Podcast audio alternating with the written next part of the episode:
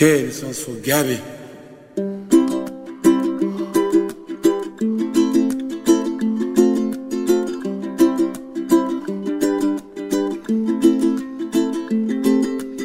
íntimament amb Maria López.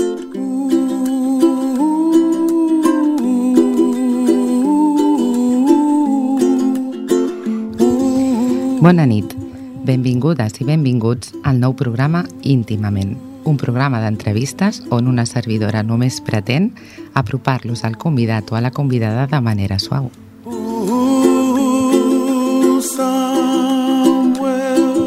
Avui tenim amb nosaltres a la Lluïsa high, Soc Maria López. Vols acompanyar-me? Comença Íntimament. Manos tu barro, te moldeo con ternura. Mi soplo y mi caricia dieron ser a la curva que te inicia. Si carne te pensé, viento te veo. Vaciada ya tu forma me recreo, te atesoro. No culpes mi codicia. Alta puse la mira, tu primicia esculpida cincel en mi deseo. Yo, escultor, solo pido por mi arte el contemplar mi obra, contemplarte. Pero tú ya eres tú, aunque eras mía. Y si una vez te arrenda mi egoísmo, puedes irte si quieres. Me es lo mismo. Te crearé de nuevo cualquier día. Poema de Rafael Guillem. high above the chimney top. That's where you find me. Buenas noches, Luisa. Hola, buenas noches. Bueno, Oye, me, ha, me ha emocionado este poema que has leído, de verdad. Me ha costado mucho, mucho encontrar un poema que se ajustara a tu altura. Y cuando digo a tu altura me refiero a... Porque para mí, que ya te he conocido un poquito, eh, eres una persona grande, Luisa. Bueno, a mí me ha costado principalmente no por la altura, sino por la sutileza de lo que explicabas. Sí, porque tenemos que decir que Luisa o Luisa es una gran artista, es una persona que ya con mediana edad, podemos decir, empezó con la pintura y a posteriori con la escultura y se dio a conocer en principio como Sayen y mucha gente compraba tus cuadros y no sabía que eras tú. No, no sabían que era yo.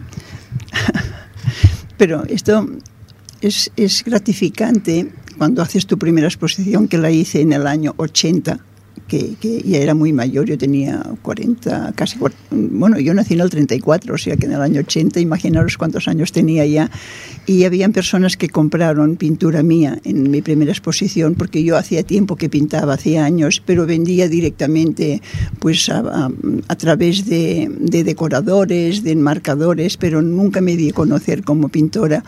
Y la primera exposición que hice fue en la Sala Parés de Barcelona y acudió mucha gente a comprar pintura porque se vendió prácticamente todo y también para conocer al pintor porque creían que Sallén era un hombre, ya que los temas que yo suelo pintar son figuras y más bien figuras femeninas, que empecé pintando con mi hija y con amigas y entonces pues mm, para mí fue muy gratificante que hubiesen comprado Sallens, no que me hubiesen comprado a mí personalmente una pintura.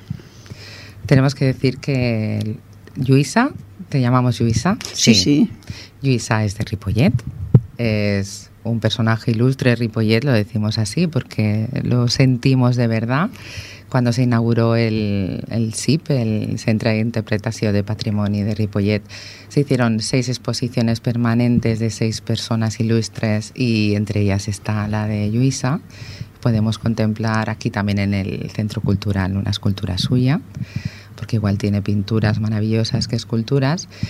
Y Luisa vive en una época en Ripollet donde la gente era payés. Bueno, se vivía de una forma muy distinta. Mirando cómo era la vida 80 años atrás, cuando yo la recuerdo, más bien la recuerdo en colores grises. Mm, No, tampoco un gris muy limpio de blancos y negros, sino todo era muy gris. Era la posguerra, fue una época muy dura, mm, muy difícil mm, por muchos motivos. Por, por muchos motivos fue una época muy difícil, pero no sé qué quieres que te cuente de aquella época. ¿Cómo se vivía en aquella época? con mucha represión, con mucha represión por todas partes, porque había represión política, no nos permitían hablar en catalán, hable usted cristiano, cuando nos oían hablar en catalán. Cerca de mi casa, en la calle Cruz Roja, teníamos una, casi enfrente, un poquito más arriba, la, el, la Guardia Civil, el, ¿cómo se llaman? Las oficinas o el centro de la Guardia Civil, y teníamos temor de hablar a veces en catalán porque se nos prohibía. Hoy día esto se ha olvidado, la, la dureza que había contra el catalán. Y aparte de esto, estábamos reprimidos, desde mi punto de vista, por la religión. Todo era pecado todo era pecado. Nos educaron en un colegio de monjas en que todo estaba era pecado. Mirarse el cuerpo era pecado. Tener que había que confesar que te habías mirado el cuerpo. Mm, claro, esto te a medida que vas descubriendo la vida tal como es, a mí me ha costado mucho desincrustarme de esta represión de, de mirarme el cuerpo, de tener libertad. Quizá lo que ha ocurrido es que cuando empecé a pintar, que ya tenía más de 30 años, que empecé a pintar, el cuerpo humano a mí me gusta mucho y quizá pienso incluso ahora que es como una rebelión que he pintado muchos desnudos porque no son no son pornográficos son desnudos limpios. Y hoy día las chicas van a la playa van en topless en tanga o se van desnudas y no pasa nada. Pero venir de una época tan represiva a mí me marcó mucho.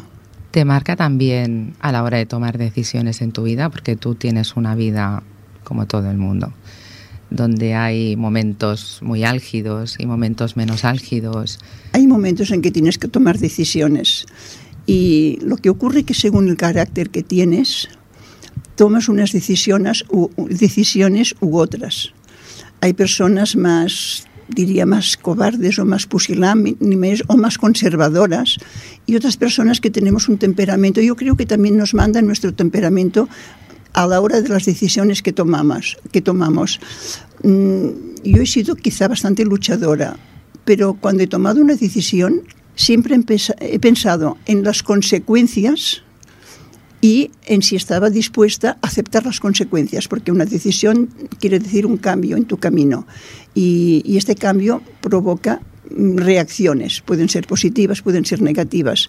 Entonces yo siempre he aceptado que las, estaba dispuesta a pagar las consecuencias. Por eso mi vida posiblemente ha roto un poco moldes avanzados a la época que se han roto y se han derribado estos moldes de, de costumbres, de represiones.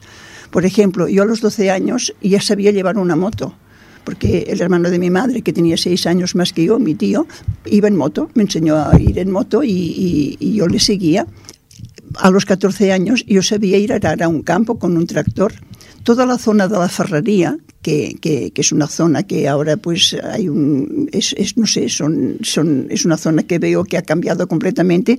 Toda aquella zona la teníamos arrendada en casa porque mi, mi, mis abuelos eran payeses. Y entonces yo de, de, jovencita a los 14 años yo iba a arar a ese campo con un tractor. Y eso estaba mal visto, pero es que llevando moto, llevando tractor, yo tenía que ponerme pantalones porque si no se me levantaban las faldas. Y esto era mal visto porque, porque no se hacía. Yo me ponía los pantalones de mi tío, yo no tenía pantalones, pero es que no podía ir en, moto o en tractor y, entonces se me levantaban las faldas era la única manera. Era, era, todo represivo. La gente no entendía que yo hiciese un tipo de cosas que yo me veía capaz de hacer bien, pero que no era costumbre. Hoy día todo ha cambiado muchísimo, me han sobrepasado las costumbres. A mí me sorprenden las costumbres de mucha gente hoy día y las libertades que hay, que a veces incluso pienso yo, ahora he pasado al otro bando, a veces yo pienso que son excesivas algunas libertades que se toman. Debería haber una medida, que no sé cuál es, por sea que todos tenemos nuestra medida, pero yo seguramente pasaba la medida del entorno que me rodeaba. Y tú un día, después de, bueno, tenemos que decir que poner en valor que tu abuelo fue el fundador de, de la cooperativa que del se fundó, del celler cooperatiu de Ripollet, cooperatiu, sí, sí. y vosotros pasáis de tener tierras y tal a con la represión, a tu abuelo lo matan, además de una manera muy, muy sucia. Fue muy dura, sí. Muy duro, sí. ¿no?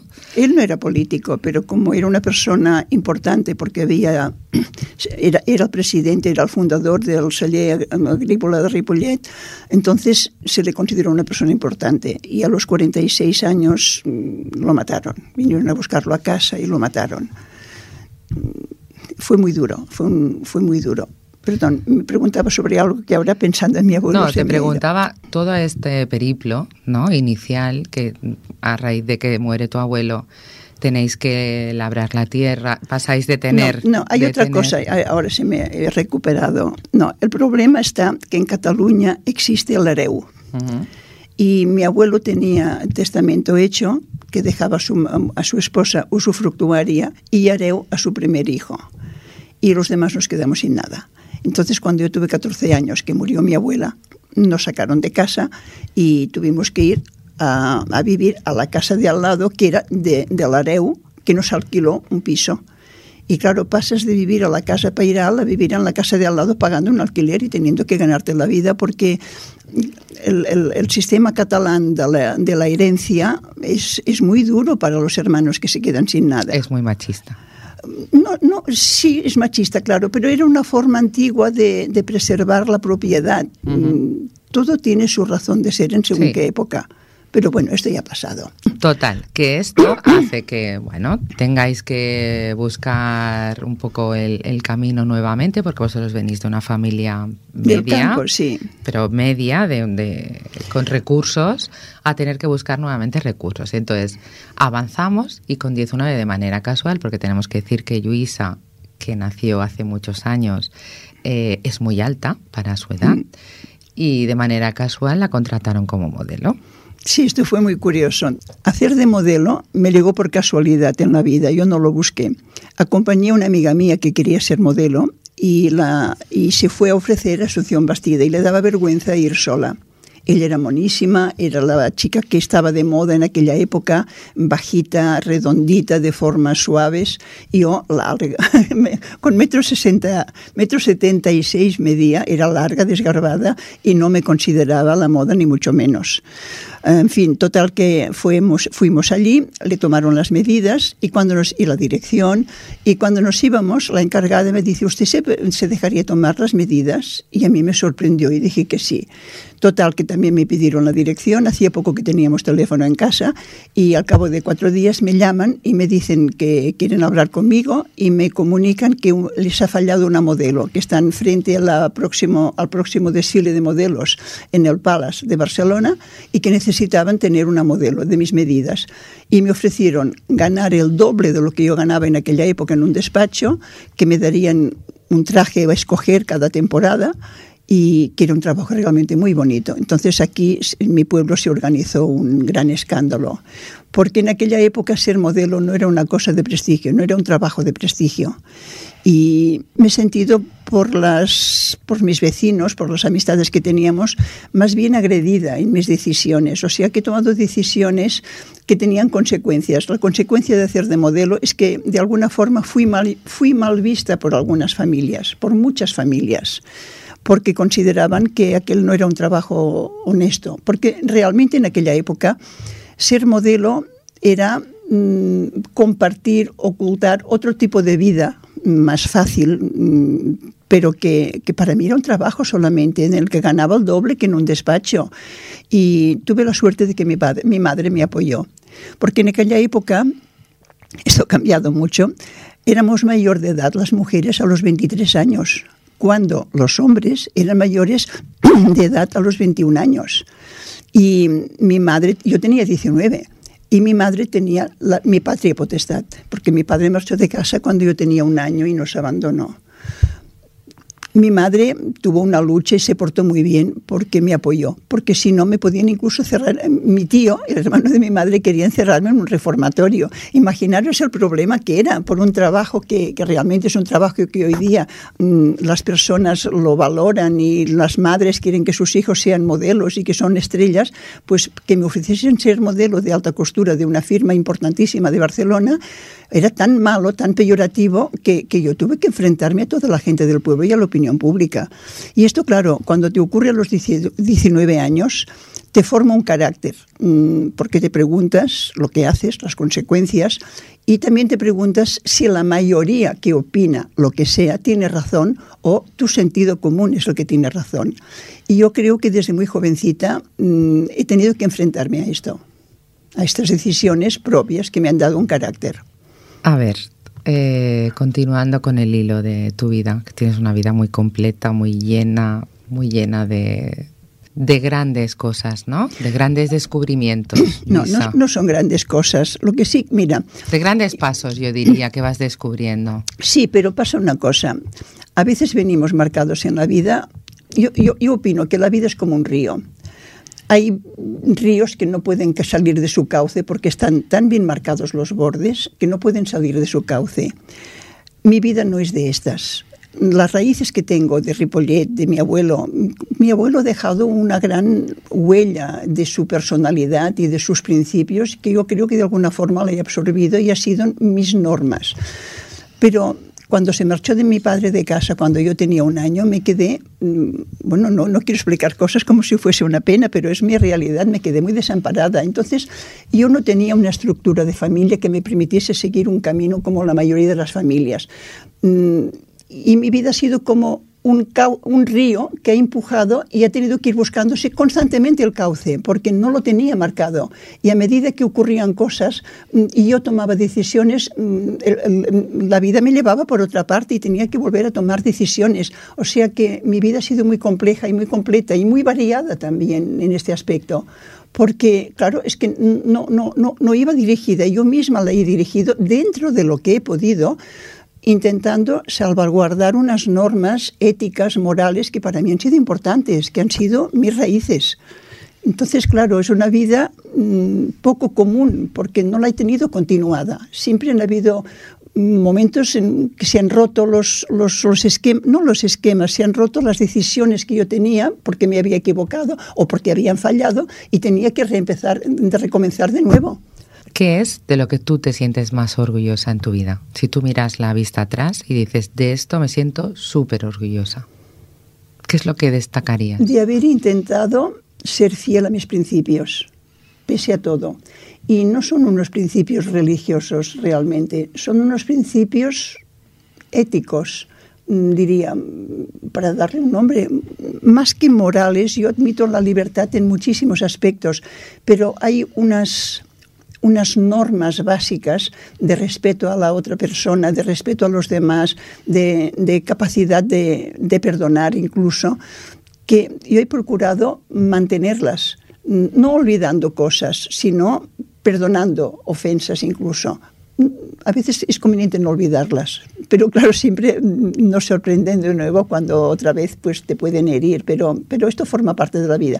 De lo que sí que estoy contenta, y el año pasado estuve dos o tres veces, mmm, creía yo que iba a morirme por unos problemas de corazón, de arritmia, que miraba atrás y me sentía tranquila y en paz porque pensaba, caray, cómo he aprovechado la vida, porque la he vivido. Y esto sí que lo aconsejaría.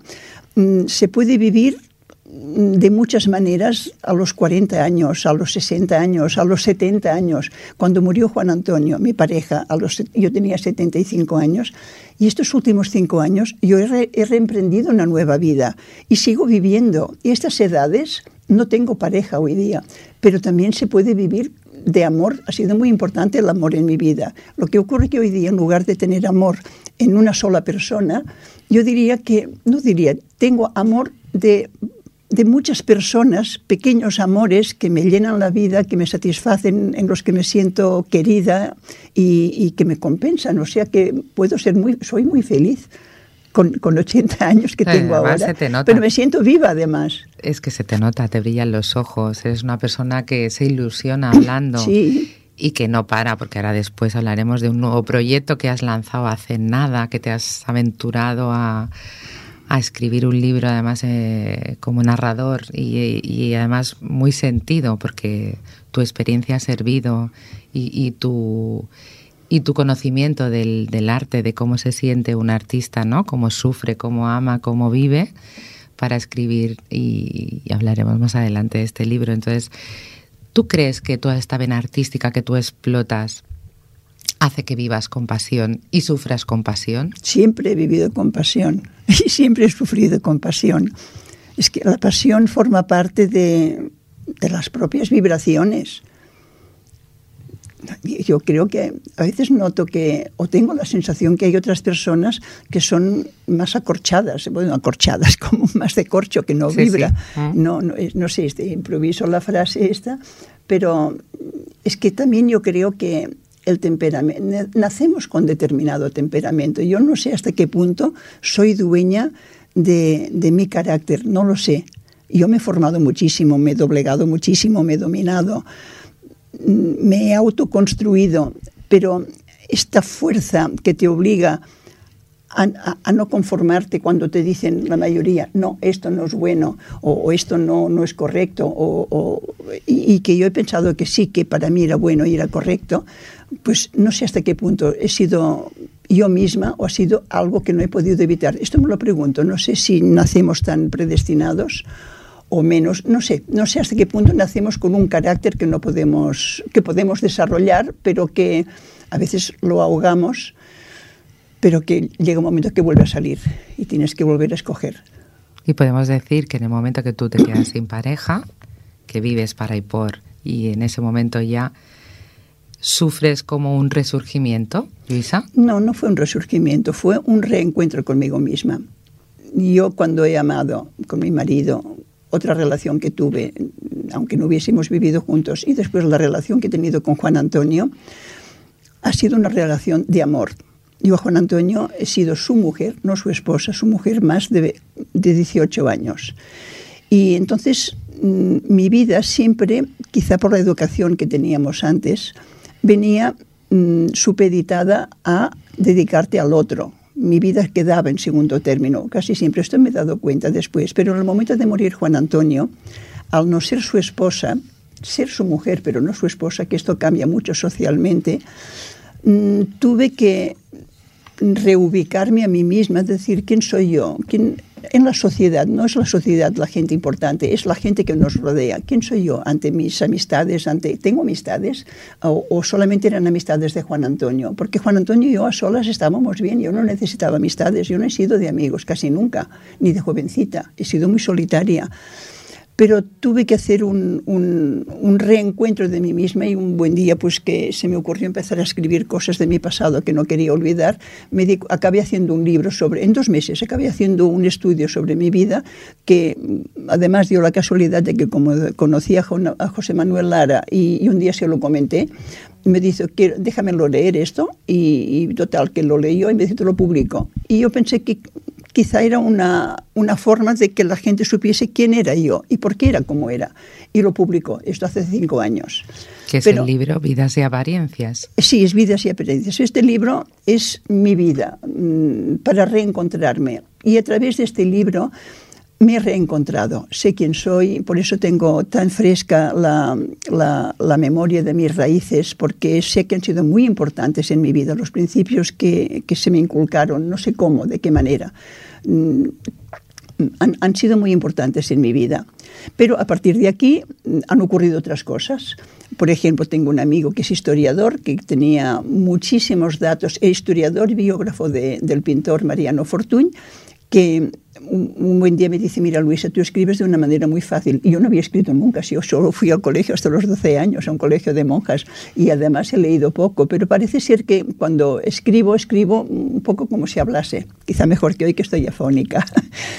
pero me dijo, mira, yo tengo mucha información sobre la vida de Fortuny, ¿por qué no escribes en una novela, en forma de novela, su vida?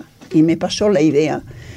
Y yo que he vivido de la pintura, porque yo he vivido pues trabajando casi siempre. Sí, tenemos que decir que Luisa en su entrevista previa nos quiso aclarar que ella en ningún momento ha sido una persona mantenida, sino que se ha automantenido de su propia obra, en ningún momento de tu vida. Y eso lo has querido recalcar siempre por encima de, de, todo, ¿no? Mira, una cosa que yo le ofrecí a Juan Antonio, que no sé hasta qué punto él fue capaz de valorarla, es que todos los años, los 12, 13 primeros años que tuve la relación con él, que fue, él vivía en Suiza y yo iba a Suiza, pero en Barcelona pintaba, hacía esculturas y vendía. Yo, mm, él nunca me ayudó económicamente, porque a mí me parecía que él, que era una persona poderosa, que, que casi siempre le pedían cosas, favores, dinero, influencias, a mí me parecía que no pedirle nunca nada, era demostrarle que le quería a él, porque le quise, de verdad. He sentido un gran afecto por Juan Antonio y, hemos sido una pareja de puertas adentro, porque no podíamos compartir nada públicamente. Yo no podía salir con él ni de un restaurante, no podíamos ir al cine, no podíamos viajar juntos. Estuvimos más de 12 años encontrándonos en su apartamento en Suiza o en mi casa en Barcelona, pero sin salir.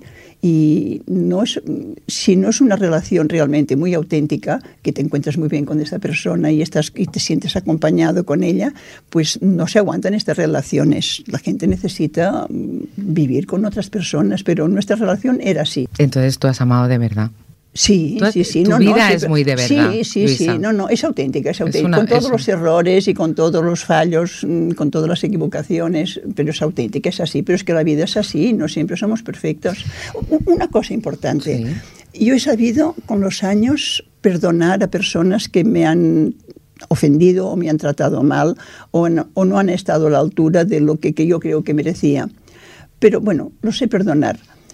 Mm, y también una cosa que he aprendido con los años es a perdonarme a mí misma. Quizá por eso estoy muy tranquila, porque uno tiene la obligación de saber perdonarse en lo que se ha equivocado o en lo que no ha tenido suerte, porque a veces no depende todo de nosotros. Y mm, aceptar que soy así y amén, mm, esto me da una tranquilidad.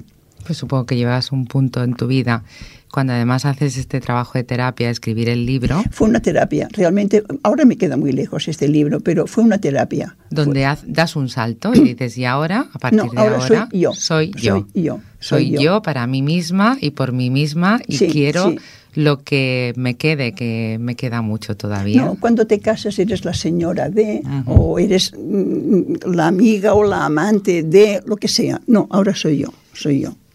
Pues si te parece, vamos a escuchar una música que nos recuerda a tu vida y después daremos un salto en el tiempo para De hablar de acuerdo. ti.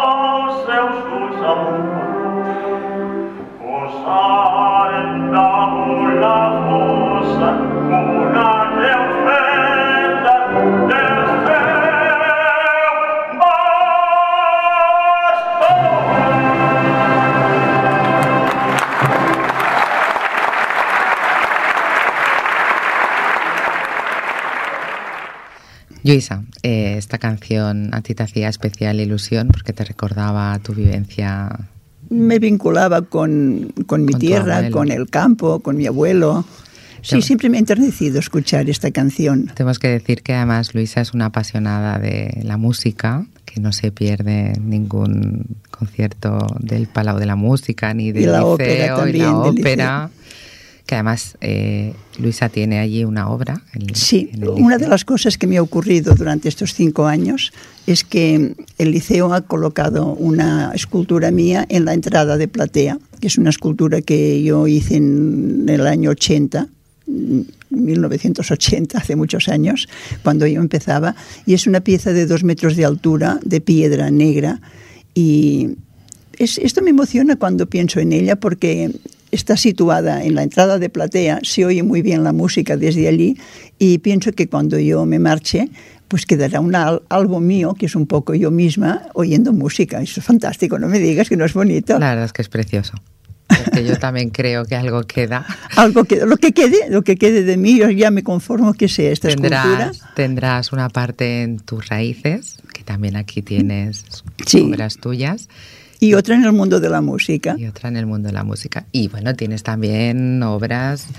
eh, Bueno, en otros sitios, pero esta para mí está, es, Es importante. es- es muy importante, tanto la escultura, porque es una escultura que fue muy importante para mí en su momento, tiene, tiene algo de mí, no por el parecido, sino por, por la, La fuerza, fuerza. por la frescura, por la inmediatez. Era la tercera pieza que hice yo sin haber ido a ninguna, a- haber ido a ninguna academia. Yo descubrí que era escultora pues por casualidad, porque me lancé y me di cuenta que yo entendía la escultura. Es una cosa curiosa. Y esta fue mi tercera pieza. Tenemos que decir que tus esculturas además son enormes. son- Esa tiene dos metros de altura. tienes Y la más alta que he hecho es de dos metros y medio, que está en Suiza. En fin, dejemos la escultura. Dejamos la escultura y damos un paso más, porque Luisa en diciembre ha publicado un libro muy importante para ella. Para ti ha marcado un antes y un después muy potente en tu vida, eh, que además eh, llama muchísimo la atención, porque eh, siempre hemos dicho, ostras, las personas siempre tenemos algo por hacer. Y tú me dijiste, a mí me quedan muchísimas cosas para hacer. Pero para ti este libro ha supuesto... ¿Qué ha supuesto? ha supuesto, en primer lugar, entrar en la vida y en la mentalidad de una persona con, que tiene alma de artista, porque yo creo que los artistas son un poco distintos de- del común de los personajes que pasan por la calle. Y también me ha hecho revivir mi propia experiencia como pintora que se gana la vida pintando, que vive, que vive del arte, pero que tiene que mantener una familia. Fortuny es un hombre muy famoso porque fue un gran creador que se avanzó a los impresionistas viendo la importancia que tenía la luz en la pintura. Y pero venía de una familia muy humilde, muy humilde. En el momento en que él triunfó como pintor, ganaba muchísimo dinero. En aquella época era el pintor vivo más bien pagado de la historia, porque sus cuadros eran distintos, reflejaban un, primero los argumentos, pero el tipo de pintura que él hacía era pintura al aire libre, con otros colores, no, no, no, no eran los colores académicos. Entonces, en aquella época, él contrajo matrimonio con Cecilia Madrazo. Y aquí tengo la ventaja de que este amigo mío, historiador, fue amigo de los Madrazo. Mm, Fortuny era un hombre que no tenía historia, diríamos, social. En cambio, la familia de su mujer sí que tenía una gran historia social, porque ella era hija de Federico Madrazo. Su padre era director del Museo del Prado, lo fue durante muchos años, era pintor de la Casa Real y la familia Madrazo, prácticamente toda la familia, eran grandes pintores y además socialmente vinculados a toda la alta sociedad de, Europa. Al contraer matrimonio Fortuny con esta señora, él ganaba mucho dinero en aquel momento. Pero aunque la boda con, esta, con Cecilia Madrazo supuso un, un encumbre social, de contactos sociales, este hombre lo que necesitaba era tener su soledad para pintar, inspirarse. Y él se comprometió a mantenerla en un nivel de vida muy alto, porque ella estaba acostumbrada, era una señorita de la alta sociedad. Lo que me ha hecho sufrir es meterme en la piel del pintor.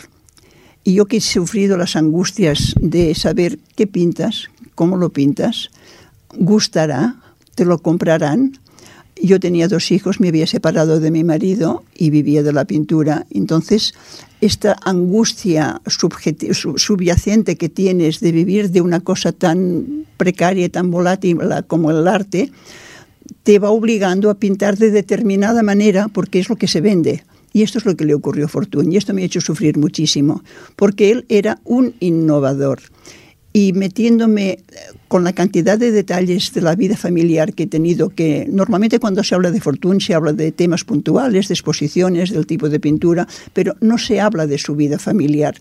Yo en esta novela, que solo hay un personaje ficticio que es el que explica la historia, que este personaje hace las preguntas que yo quisiera hacer, le he hecho hacer una serie de preguntas.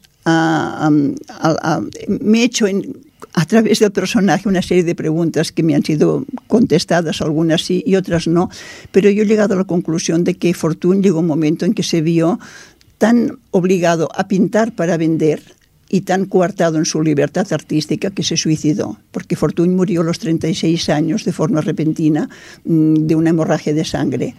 Y yo creo que en aquella época se ocultó que se había suicidado, porque por motivos sociales, en primer lugar. No, se hubiese, no le hubiesen podido enterrar en un cementerio católico. Yo recuerdo de jovencita que en Ripollet había fuera del cementerio una zona para, enterrar incluso a los que no se, nacidos que no se habían bautizado y entonces y para los que se habían suicidado no podían ser enterrados dentro del cementerio. Y hablo de mi juventud pero Fortuny es muy anterior a mí.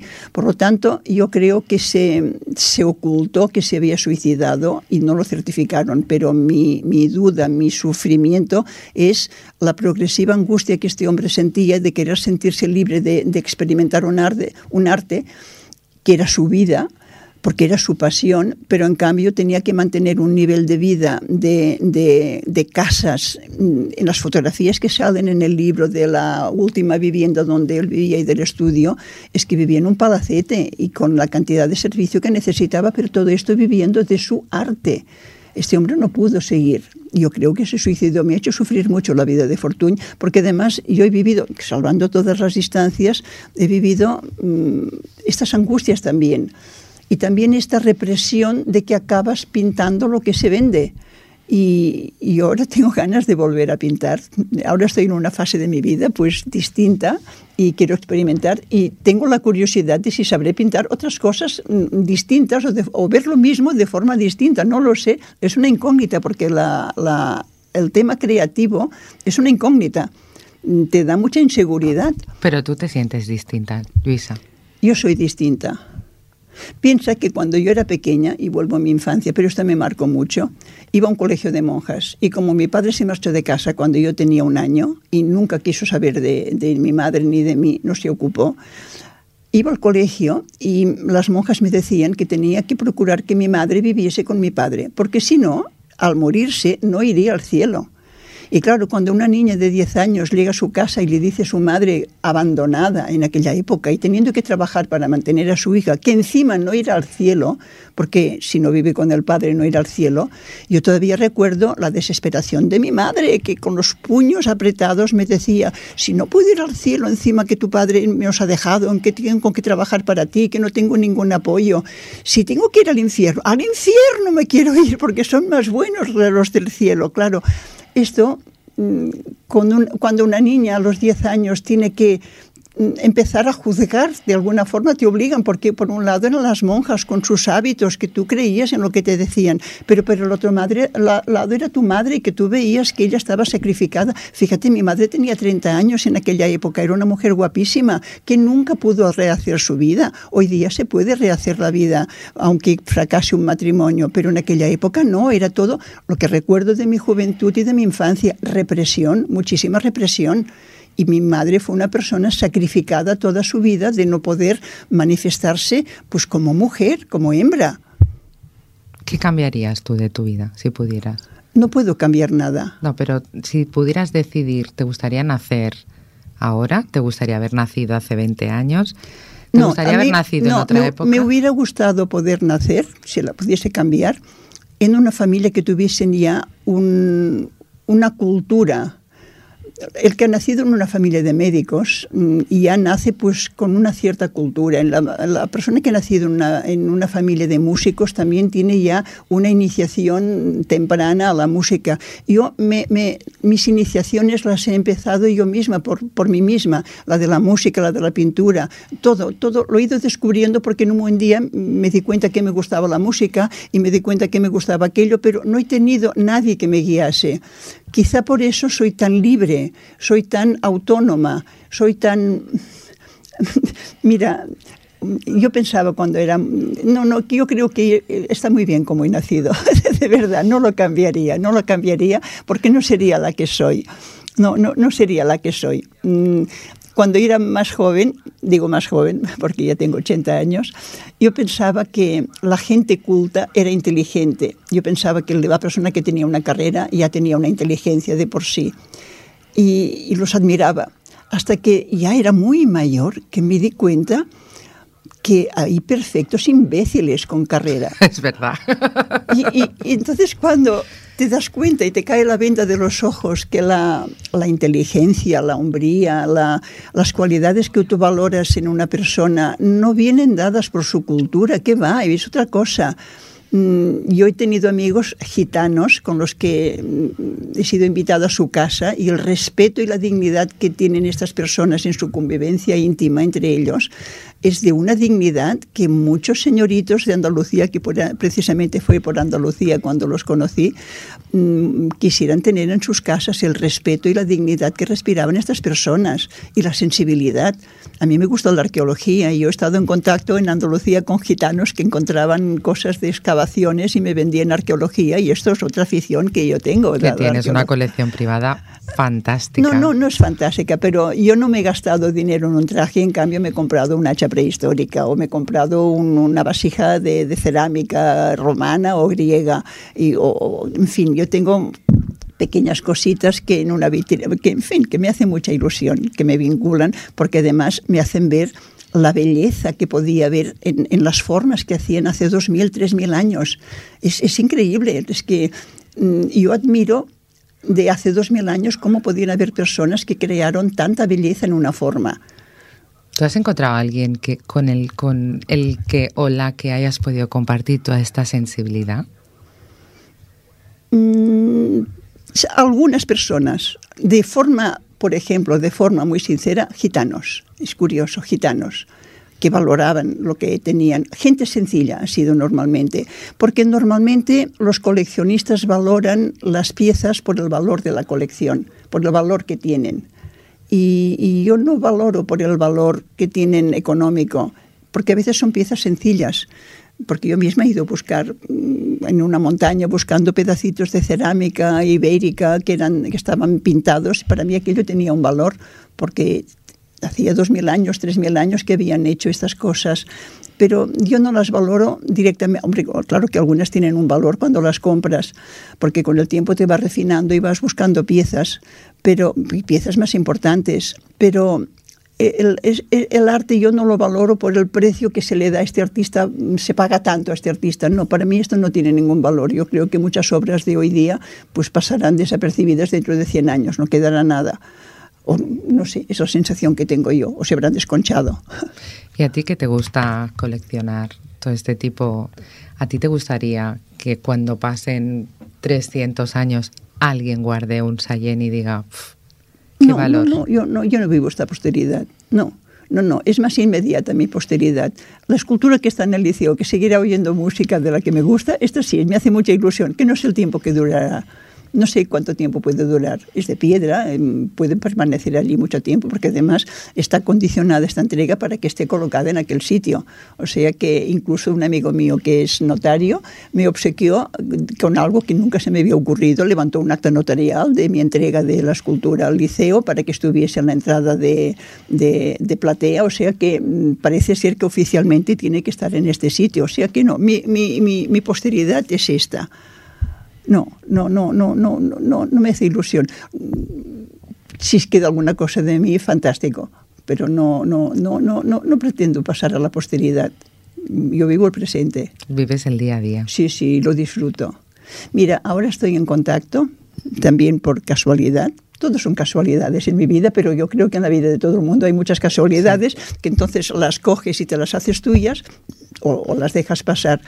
He entrado también un poco en el mundo del canto, de chicos y chicas que cantan, y a través de unas masterclass que ha hecho Jaume Aragall y que me ha permitido filmarlas, he encontrado, he entrado en contacto con chicos y chicas que ahora filmo de ellos, porque me gusta filmar, hacer pequeños reportajes, filmo de ellos alguna actuación, algún recital, y entonces les hago una copia de lo que cantan para que les sirva como tarjeta de presentación. Y como tengo dos amigos que son unos bonazos y, me acompañan, vienen a filmar conmigo y entonces con tres cámaras, más otra cámara con la que grabamos el sonido, mmm, grabamos, no sé, un recital de, de, de una chica, de una pareja, de quien sea, que me lo han pedido. Y después yo lo edito todo, me paso días y semanas editando, ahora ya gasto menos tiempo porque he aprendido a hacerlo mejor y les hago una copia para ellos para que las utilicen. Y tengo una chica en Madrid, Verónica Tello, que a veces me dice, Luis, eres mi angelito, porque tú no sabes las puertas que se me han abierto con tus DVDs porque están muy bien presentados. Pues hoy día yo estoy conectada con gente joven que canta y que necesita ayuda y, y me hace muchísima ilusión ayudarles. Y no solo que canta, yo también sé de buena tinta que ayudas a mucha gente. De manera bueno, de manera privada. De manera las ayudas privada. son concretas a, a, a, a, quien sé que llega la ayuda, pero todas hay ayudas de estas sociales que se organiza una gran cena de gala para ayudar mmm, entidades. A mí me resbala un poco, cada vez me resbalan más estas cosas. Por lo menos mis ayudas sé que van a parar donde, donde yo sé que van a parar y no se pierden por el camino.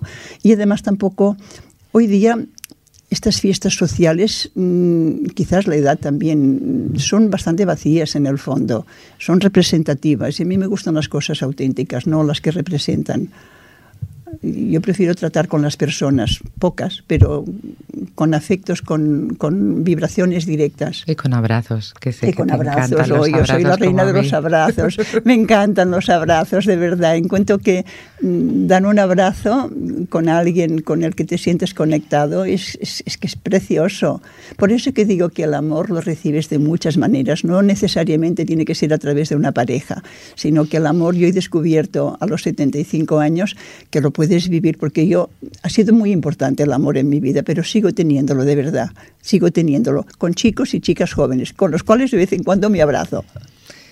Y el estar en contacto con ellos te da una vitalidad o tú tienes esa autovitalidad. Yo creo que soy yo la que les paso esta vitalidad. Quizá para ellos soy un ejemplo de cómo una señora tan mayor puede sentirse tan vital y conectada con ellos. Yo creo que la sorpresa la tienen ellos, Tan porque la de- mayoría me dicen, yo de mayor quiero ser como tú. Bueno, Tan pues, mayor de años, porque tú ni de aspecto ni de nada tienes los años que tienes. No los aparento físicamente, quizá, porque soy alta me mantengo delgada, sin esfuerzo, porque es mi naturaleza. Pero la mente la tengo más joven, de verdad. Tengo la mente más joven que el cuerpo. Ya no es físico, eres tú, toda tú. Toda tú tienes una energía, una vibración, unas ganas de hacer cosas, una ilusión. Estoy viva, no, nada, nada más que estoy viva, soy consciente de que estoy viva y vivo, y nada más. No, no, no, no, no se trata de, de llegar a ningún sitio, sino de experimentar lo que estás teniendo y de disfrutarlo y ser consciente. Yo cuando me levanto cada día digo, oh caramba, un día más, fantástico. Y, y, y cada cosa que hago, incluso cuando estoy guisando y hago un sofrito, lo hago con amor, porque si no lo haces con amor no te queda bien el sofrito. ¿Tú vives ahora como si la vida fuera un regalo? Sí, sí, sí, lo es. Doy gracias. Mira que he tenido épocas difíciles, ¿eh? otras me las he buscado yo quizá, pero doy gracias de la, a quien sea, no sé a quién, pero sí que doy gracias de la vida que tengo, de la que he tenido y, y de poder sentirme tan consciente y, y, y, y notarme tan positiva, porque, porque yo creo que soy una persona positiva. Hace poco me hicieron una entrevista en La Vanguardia y confié en la, en la, en la periodista en que transmitiría todo esto que te estoy explicando. Y ella había leído mi libro de hace cinco años, de cuando yo necesité reencontrarme y explicaba cosas penosas de mi vida. Y ella empeñada en hablando, hablando de, de cosas pasadas. Yo le decía, no, no hables de esto, escribe esta entrevista como si fuese el último capítulo de mi vida, porque es muy positiva.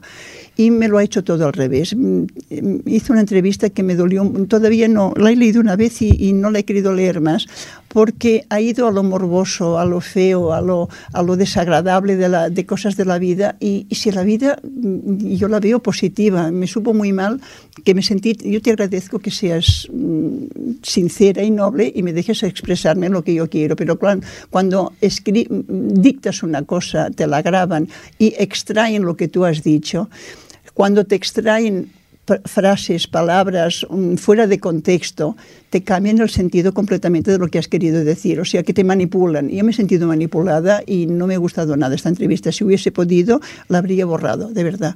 Y yo te agradezco, María, que me hayas permitido expresarme tal como soy yo, que soy una persona positiva, que mira al pasado, pues no con melancolía, pero sí como referencia de lo que estoy ahora y el camino que he hecho. Bueno, es que tú misma has dicho que eres lo que eres gracias a la vida que has claro, tenido. o Claro, sea, claro, claro. Por eso no habría querido nacer en otra familia. Mm, Lo único que he hecho en mi vida, y es que como yo, mi madre se llamaba, su apellido era Sallén, como mi abuelo Antonio Sallén, mi madre era María Sallén, yo era Luisa Sabater Sallén, por el, el- el apellido de mi padre. Y lo que no he hecho, por, no, no lo hice por rencor, lo que he hecho estos tres últimos años, debe hacer tres años que empecé porque me he tardado bastante tiempo en completarlo todo, es invertir los apellidos, porque sí que me doy cuenta que quiero morirme como Luisa Sallén, porque yo me siento Sallén. El apellido de mi padre es un apéndice que yo le ponía la inicial y un punto, y hasta que acabaré- acabé borrando la inicial. Y cuando empecé a pintar, yo firmaba con el apellido de mi madre, que es con el que me sentía identificada. Pues esto sí que lo he puesto en orden, porque quiero morirme como Luisa Sallén. Y ahora ya tengo todo, el carnet de conducir, el pasaporte, los recibos de la luz, del agua, del seguro, ya lo tengo todo a mi nombre. Bueno, yo estoy convencida que a ti todavía te queda un largo recorrido porque tienes muchas ganas de vivir y de vivir No, con no, esa no, intensidad. No, no quiero vivir mucho tiempo, de verdad, no, no, no quiero permanecer, no, no me propongo vivir mucho tiempo, pero sí que el tiempo que vivo soy muy consciente, soy feliz, estoy contenta, miro al pasado, me siento en paz porque he pagado todas mis facturas, creo que no debo nada porque las he pagado algunas muy duras, pero, pero me siento en paz y estoy bien. El tiempo que dure, no, no, no, no pretendo que sea muchísimo, de verdad, no, no, no quiero alargarme, también tengo curiosidad de ver qué pasa después. Es- eh, todos tenemos algo de curiosidad. Sí, sí, yo qué sé, a lo mejor pues pasan cosas después, yo qué sé. Bueno, pues yo tengo que decir que en el camino de mi vida yo sí que me siento súper orgullosa de haberme podido encontrar contigo. Para mí ha sido un auténtico placer y te lo digo de corazón, me estás mirando a los ojos y lo ves. Me ha encantado conocerte, Luisa. Pues a mí me ha encantado que mm, procedente de mis raíces, que es Ripollet, me hayáis llamado mm, porque me consideráis hija de Ripollet, que yo me siento muy vinculada a la tierra, a esta tierra.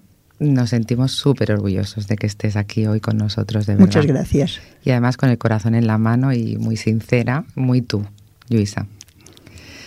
I fins aquí hem arribat al final. A mi pf, em quedarien moltes coses per dir perquè Luisa tiene una vida pf, muchísimas anécdotas y muchísimas historias que contar y además es una persona muy interesante y muy yo creo que en mí por lo menos ha dejado una huellita. Gracias. I fins aquí íntimament vull donar les gràcies a la Lluïsa i gràcies al meu tècnic, al Toni, i a vostès. I el que més m'agradaria és que estiguessin amb mi el proper íntimament. Bona nit.